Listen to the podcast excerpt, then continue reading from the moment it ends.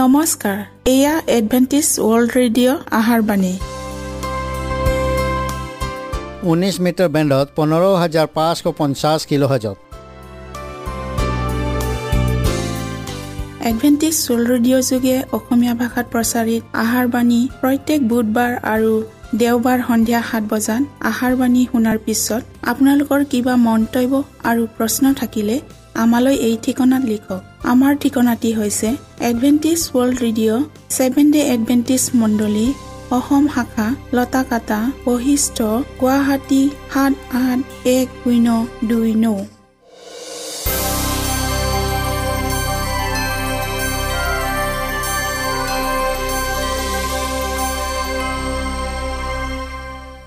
প্ৰিয় শ্ৰোতা বন্ধুসকল এতিয়া শুনো আহক এটি খ্ৰীষ্টীয় ধৰ্মীয় গীত।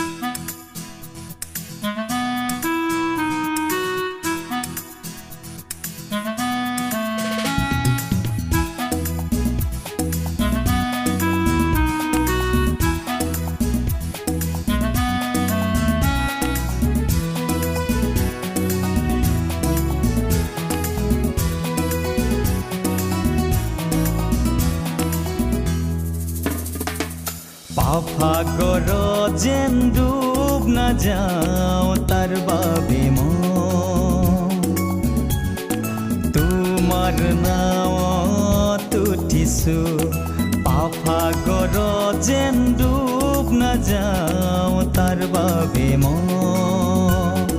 তোমাৰ নাৱত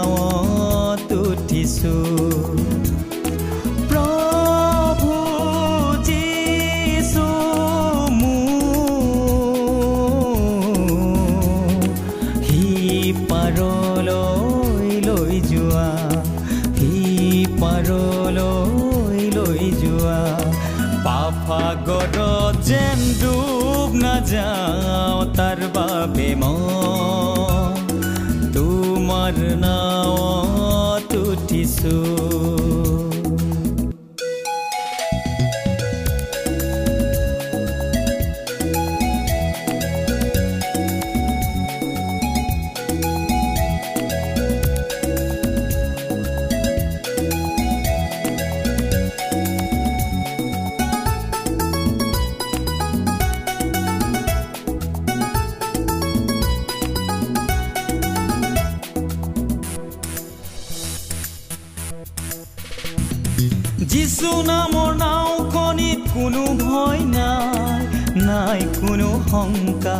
একোৱেই ভয় নাই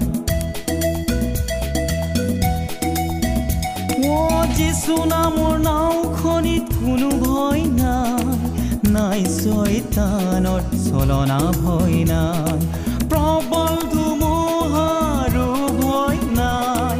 নাই ভয়াল সুতৰো ভয় নাই। যিচু বঠা বাই বাই হে ভাই নিয়ে শান্তিৰে চলা যিচু বঠা বাই বাই হে ভাই, নিয়ে শান্তিৰে চলা পাফাগৰ যেন ডুব নাযাওঁ তাৰ বাবে তোমাৰ নাৱত উঠিছোঁ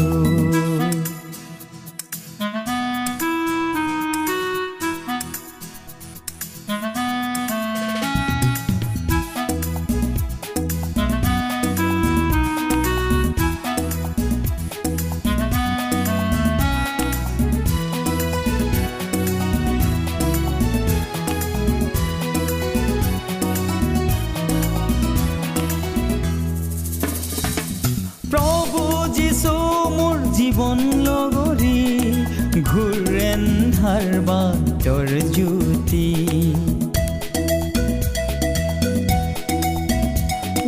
খোজে খোজে যাওঁ যদি মই পিছলি পাওঁ শক্তি আৰু সুমতি যিচুৰ বিনে নাই আন উপায় নাই নাপাওঁ আন কতো সহায়।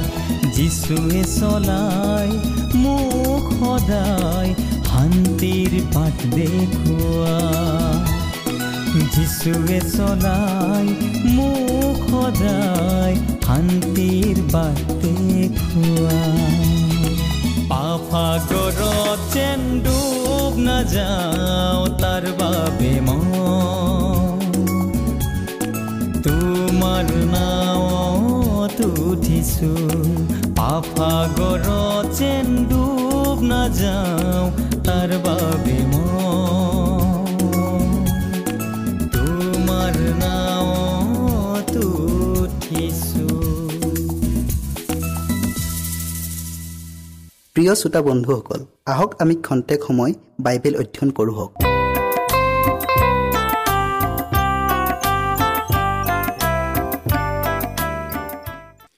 এয়া ক্ৰুচৰ বিৱৰণৰ তৃতীয় ভাগ। যীচুক ক্ৰুচত প্ৰাণদণ্ড দিয়া সময়ত সূৰ্যই পোহৰ নিদিলে। চাৰিওফালে অন্ধকাৰ হ'ল ভূমিকম্প হ'ল। তেওঁৰ নিজৰ মানুহবিলাকে তেওঁক সমৰ্থন কৰি আদৰিব লাগিছিল। কিন্তু তেওঁবিলাকেই তেওঁৰ মৃত্যু দাবী কৰিছিল। তেওঁৰ শিষ্যবিলাকৰ মাজৰ এজনেই তেওঁক বিশ্বাসঘাতকতা কৰি শত্ৰুৰ হাতত সোধাই দিলে। আনকি তেওঁ মৃত্যু যন্ত্ৰণা ভোগা সময়ত তেওঁৰ স্বৰ্গীয় পিতৃয়েও তেওঁক ত্যাগ কৰিলে। কিন্তু এই অন্ধকাৰৰ দিনত যেতিয়া তেওঁৰ দ্বাৰাই জগতত হ'বলগীয়া ঐশ্বৰিক কাৰ্যবোৰৰ মৃত্যুসূচক ঘণ্টাধ্বনি শুনাৰ মাজতো আশাৰ ৰেঙনি দেখা গৈছিল। ইতিমধ্যে তিনিজন তিনিটা ভিন ভিন দেশৰ গাৰ ৰং কলা সংস্কৃতি ভাষা ভাষীৰ ব্যক্তিয়ে সেই একেজনাৰ প্ৰতি বিশ্বাস প্ৰকাশ কৰিছিল। এওঁলোকৰ এজন আছিল ৰুমিয়া সেনাধ্যক্ষ।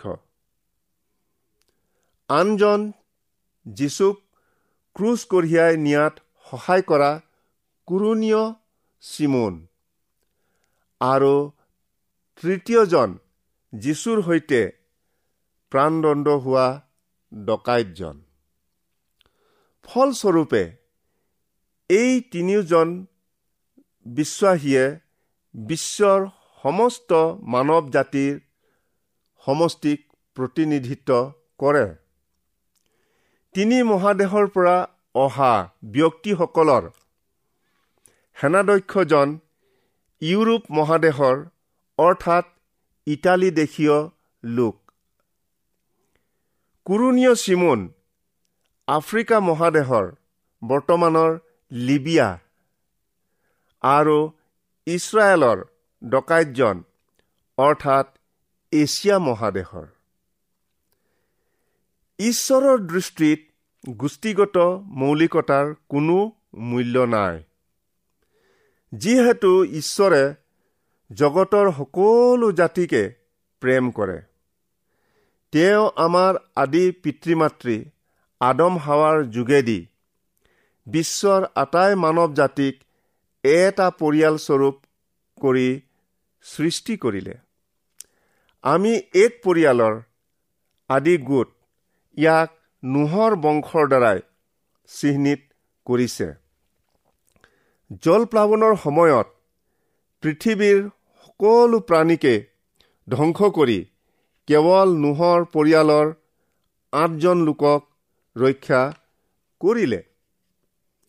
জলপ্লাৱনৰ বহু বছৰৰ পিছত নোহৰ পুতেকবিলাকৰ বংশধৰসকলে পৰিয়ালৰ সংখ্যা বৃদ্ধি পোৱাত মেচুপটমিয়াৰ সমথলত একগোট হৈ বাস কৰিব ধৰিলে। আৰু কালক্ৰমত ঈশ্বৰক একেবাৰেই পাহৰি গ'ল। তেওঁবিলাকে বাবিলত আকাশলংঘা দুৰ্গ সাজিবলৈ বিৰাট আঁচনি এটা কৰিছিল। কিন্তু সেই আঁচনিক ভাষাভেদৰ দ্বাৰাই ব্যৰ্থ কৰিলে। পৰিণামস্বৰূপে পৃথিৱীৰ পৰিয়ালসমূহ সিঁচৰিত হৈ গ'ল। বাবিলত যি বিভাজন ঘটিছিল সেয়া জিৰচালেমৰ গলগথা পাহাৰৰ ওপৰত ক্ৰুচৰ অলৌকিক কাৰ্যৰ দ্বাৰাই আটাইকে দৃঢ় বন্ধনত একত্ৰিত কৰিলে। যীশুৰ মৃত্যু আৰু পুনৰ উত্থানে জাতকুলৰ বন্ধন ছিঙি বিশ্বৰ আটাই জাতিকে এক কৰিলে। এয়েই খ্ৰীষ্টীয় সমাজৰ বৈশিষ্ট্য। যীচুক ক্ৰুচবিদ্ধ কৰা সময়ত তাত উপস্থিত থকা তিনিজন ব্যক্তিয়ে বিভিন্ন শোকাবহ ঘটনাত বিভিন্ন কাৰ্য প্ৰদৰ্শিত কৰিছিল। এওঁলোকে আজিৰ যুগৰ ঈশ্বৰ বিশ্বাসী লোকবিলাকৰ কাৰণে এটা অপৰিহাৰ্য গুৰুত্বপূৰ্ণ আদৰ্শ ৰাখি গ'ল। সেনাধ্যক্ষজনে ক্ৰুচক অৱমাননা কৰিছিল। কুৰুণীয়জনে যীশুৰ ক্ৰুচ কঢ়িয়াইছিল। ডকাইতজনক ক্ৰুচবিদ্ধ কৰা হৈছিল। ৰুমিয়া সেনাধ্যক্ষজন যীশুৰ মৃত্যুদণ্ড দিয়া সময়ত তাত উপস্থিত আছিল। তেওঁ পৰজাতি হোৱা হেতুকে মানুহৰ কল্পনাৰে সজা অসংখ্য দেৱ দেৱীৰ উপাসক হোৱাত ইছৰাইল ৰাজ্যৰ বাহিৰ আছিল। বৌদ্ধভূমিত কোনো অপ্ৰীতিকৰ ঘটনা যাতে আবৃত নহয় তাৰ বাবে তদাৰক কৰিবলৈ তেওঁক মৰকল কৰিছিল। তেওঁ আদিৰে পৰা শেষলৈকে এই অসাধাৰণ কয়েদীজনৰ শান্তশিষ্ট আৰু আত্মসংযম স্বভাৱ আদি লক্ষ্য কৰি আহিছিল। আনকি যীশুৰ তাৰণাকাৰীবিলাকৰ নিমিত্তে এই বুলি প্ৰাৰ্থনা কৰাও শুনিছিল। হে পিতৃ এওঁবিলাকক ক্ষমা কৰা। কিয়নো এওঁবিলাকে কি কৰিছে তাক নাজানে। হঠাৎ আন্ধাৰ হোৱা ভূমিকম্প হোৱা ইত্যাদি প্ৰাকৃতিক ঘটনাবোৰ স্বচক্ষে দেখিবলৈ পাইছিল। সেয়ে তেওঁ যীশুৰ মৃত্যুত সাক্ষ্য প্ৰদান কৰি কৈছিল এওঁ স্বৰূপেই ঈশ্বৰৰ পুত্ৰ। কুৰুণীয় চিমুন এজন তীৰ্থযাত্ৰী আছিল। তেওঁ নিষ্ঠাৰ পৰ্ব পালন কৰিবলৈ তেওঁৰ তীৰ্থযাত্ৰী ৰূপে জিৰচালেমলৈ আহিছিল। হঠাৎ সেইদিনা অপ্ৰত্যাশিত ঘটনাটো ঘটিল। ৰুমিয়া চিপাহীবিলাকে জানিছিল যীশুৰ ক্ৰুচ কঢ়িয়াই সহায় কৰিবলৈ কোনো যিহুদী মানুহ আগবাঢ়ি নাহে। সেয়ে চিপাহীবিলাকে আফ্ৰিকা দেশীয় মানুহজনক যীশুৰ ক্ৰুচ কঢ়িয়াই সহায় কৰাত নিয়োগ কৰিলে। কুৰুণীয় চিমুনেও কোনো ওজৰ আপত্তি নকৰাকৈ যীশুৰ ক্ৰুচ কঢ়িয়াই সহায় কৰিলে। যীশুৱে তেওঁৰ পৰিচৰ্যা কৰা কালত কৈছিল কোনোৱে যদি মোৰ পাছত আহিবলৈ ইচ্ছা কৰে তেন্তে নিজকে দমন কৰক আৰু নিজৰ ক্ৰুচ তুলি লৈ মোৰ পাছে পাছে আহক। লোকে দৈনিক ক্ৰুচ কঢ়িওৱাৰ কথা কৈছে অৰ্থাৎ আমাৰ দৈনিক পৰিৱৰ্তন হ'ব লাগে। গেটছিমানি বাৰীত যীশুৱে প্ৰাৰ্থনা কৰিছিল তথাপি মোৰ ইচ্ছা নহয় তোমাৰেই ইচ্ছা সিদ্ধ হওক। যীশুৰ প্ৰাৰ্থনাই দেখুৱাই আমি ঈশ্বৰৰ ইচ্ছাৰ বহত চলিব লাগে ডকাইতজন প্ৰথমতে ৰুমিয় বিচাৰকবিলাকক গালি পাৰিছিল। তাৰ পিছত লগৰজনৰ সৈতে যীচুক ঠাট্টা নিন্দা কৰিব ধৰিলে। হঠাৎ মন পৰিৱৰ্তন হৈ অনুতাপ কৰি যীশুৰ হাতত নিজকে আত্মসমৰ্পণ কৰিলে। ডকাইতজনে মাজৰ ক্ৰুচত ওলমি থকা জনা স্বৰূপেই জগতৰ পাপ নিওতা ঈশ্বৰৰ মেৰ পোৱালি বুলি বিশ্বাস কৰিলে। আমি পৰম দেশত প্ৰৱেশ কৰাৰ পূৰ্বেই ক'ব পাৰিমনে? মই খ্ৰীষ্টে সৈতে ক্ৰুচত হত হলো। মই যিছো বুলিলেও সেয়ে আৰু মই নহয়। খ্ৰীষ্টহে মোত জিছে ডকাইতজনে ক্ৰুচ কঢ়িয়াই যীশুৰ সৈতে মৃত্যু হ'ল। সাধু পৌলে এই নিৰ্ঘাত সত্যৰ নিগুৰ তত্ত্ব জানিছিল। সেয়ে ঈশ্বৰ বিশ্বাসীৰ জীৱনত অতিকৈ প্ৰযোজ্য বুলি কৈছিল। আৰু যিবিলাক খ্ৰীষ্ট যীশুৰ তেওঁবিলাকে মোহ আৰু অভিলাষে সৈতে মাংসক ক্ৰুচত দিলে। আমি যেন আৰু পাপৰ দাহ নহওঁ এইকাৰণে পাপৰ দেহ বিনষ্ট হ'বলৈ আমাৰ পুৰণি পুৰুষক তেওঁৱে সৈতে ক্ৰুচত দিয়া হ'ল। এতিয়াৰ পৰা ক্ৰুচৰ বাহিৰে আন কোনো কথাত অহংকাৰ নকৰো হওক। যীশুৰ ক্ৰুচীয় যন্ত্ৰণাত ভুগি থাকোঁতে তাৰ ক্ষতিপূৰণ স্বৰূপে ৰুমিয়া সেনাধ্যক্ষজনে যীশুক থকা তেওঁৰ বিশ্বাস স্বীকাৰ কৰিলে। কুৰণীয় চিমুনে সন্তুষ্ট মনেৰে যীশুৰ ক্ৰুচডাল কঢ়িয়ালে। অনুতাপিত ডকাইতজনে পৰম দেশত শেষৰ দিনা স্থান পাবলৈ প্ৰাৰ্থনা কৰিলে। তেওঁ কুৰণীয় চিমুন আৰু ডকাইতজনৰ সঁহাৰিয়েই সকলো জাতি ফৈদ ভাষাৰ বালিৰ দৰে অসংখ্য লোক এডেনবাৰীৰ পৰা আৰম্ভ কৰি দ্বিতীয় আগমনলৈ হেৰাই যোৱাবিলাক ক্ৰুচৰ পৰা বৈ অহা অনুগ্ৰহৰ দ্বাৰাই উদ্ধাৰ পাব। ক্ৰুচৰ প্ৰবল আকৰ্ষণৰ ফলত নিকডিম আৰু আৰিমুঠীয়া জোচেফ নামৰ দুজন গুপুত শিষ্য প্ৰকাশ্যে ওলাই আহি যীশুক স্বীকাৰ কৰি তেওঁলোকৰ আটাই উপাৰ্জিত ধন সম্পত্তি খ্ৰীষ্টীয় শিশু মণ্ডলীৰ উন্নতিৰ অৰ্থে দান কৰিলে। মুচিৰ বিধানৰ উচ্চ শিক্ষিত চৌলে ডমেশ্বক নগৰত থকা ঈশ্বৰ বিশ্বাসীবিলাকক তাৰণা কৰিবলৈ গৈ থাকোঁতে দৰ্শনত যীশুৱে চৌলক দেখা দি আদবাটতে তেওঁৰ মন সম্পূৰ্ণকৈ পৰিৱৰ্তন কৰি বিশ্বৰ আটাইতকৈ শ্ৰেষ্ঠ সুবাৰ্তাবাহক ৰূপে মনোনীত কৰিলে।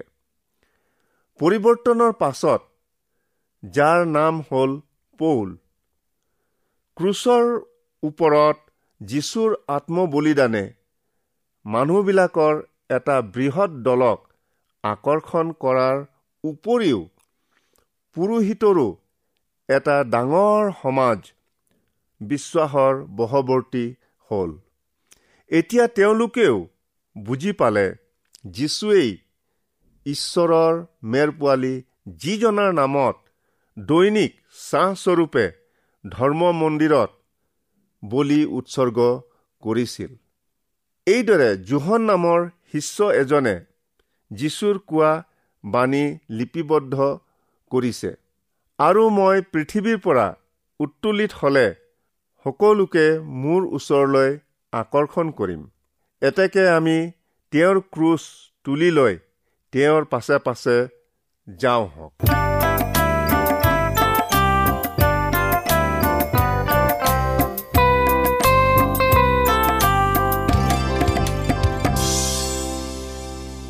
ইমানপৰে আমি বাইবেল অধ্যয়ন কৰিলোঁ। এতিয়া আকৌ শুনো আহক এটি খ্ৰীষ্টীয় ধৰ্মীয় গীত।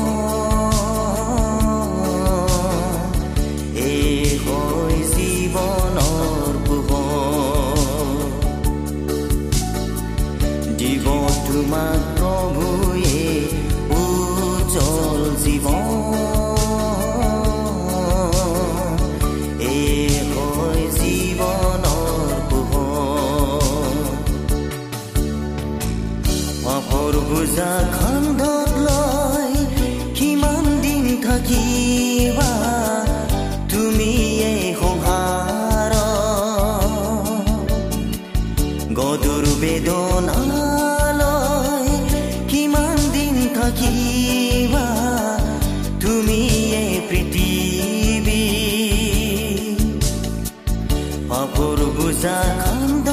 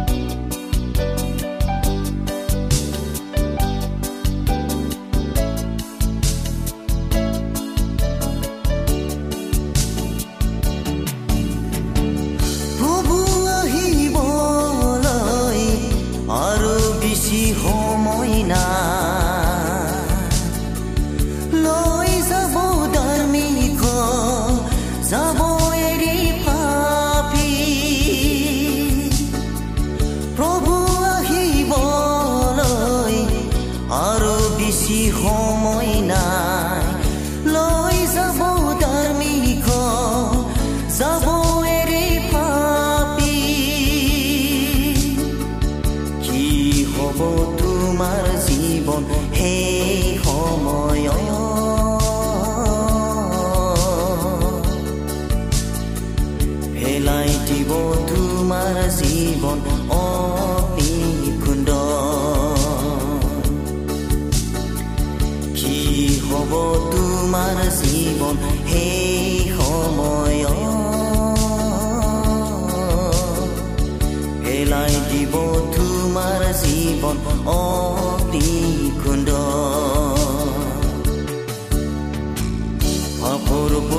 খুন্দত লৈ কিমান দিন থাকিবা তুমি এই সংসাৰ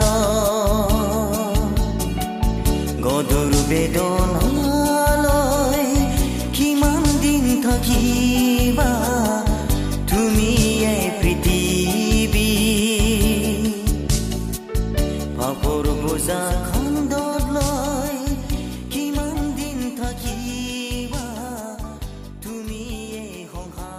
মনত ৰাখিব আমাৰ ঠিকনাটি পুনৰ কৈ দিছোঁ। Adventist World Radio' Assam region of Seven Day Adventist voice of hope Latakata Basistha Guwahati seven eight one zero' two nine প্ৰিয় শ্ৰোতা বন্ধুসকল এডভেণ্টিজ ৱৰ্ল্ড ৰেডিঅ' যোগে আহাৰবাণী প্ৰচাৰত আপোনালোকক পুনৰ লগ পোৱাৰ আহাৰে আজিলৈ সামৰিলোঁ। ধন্যবাদ।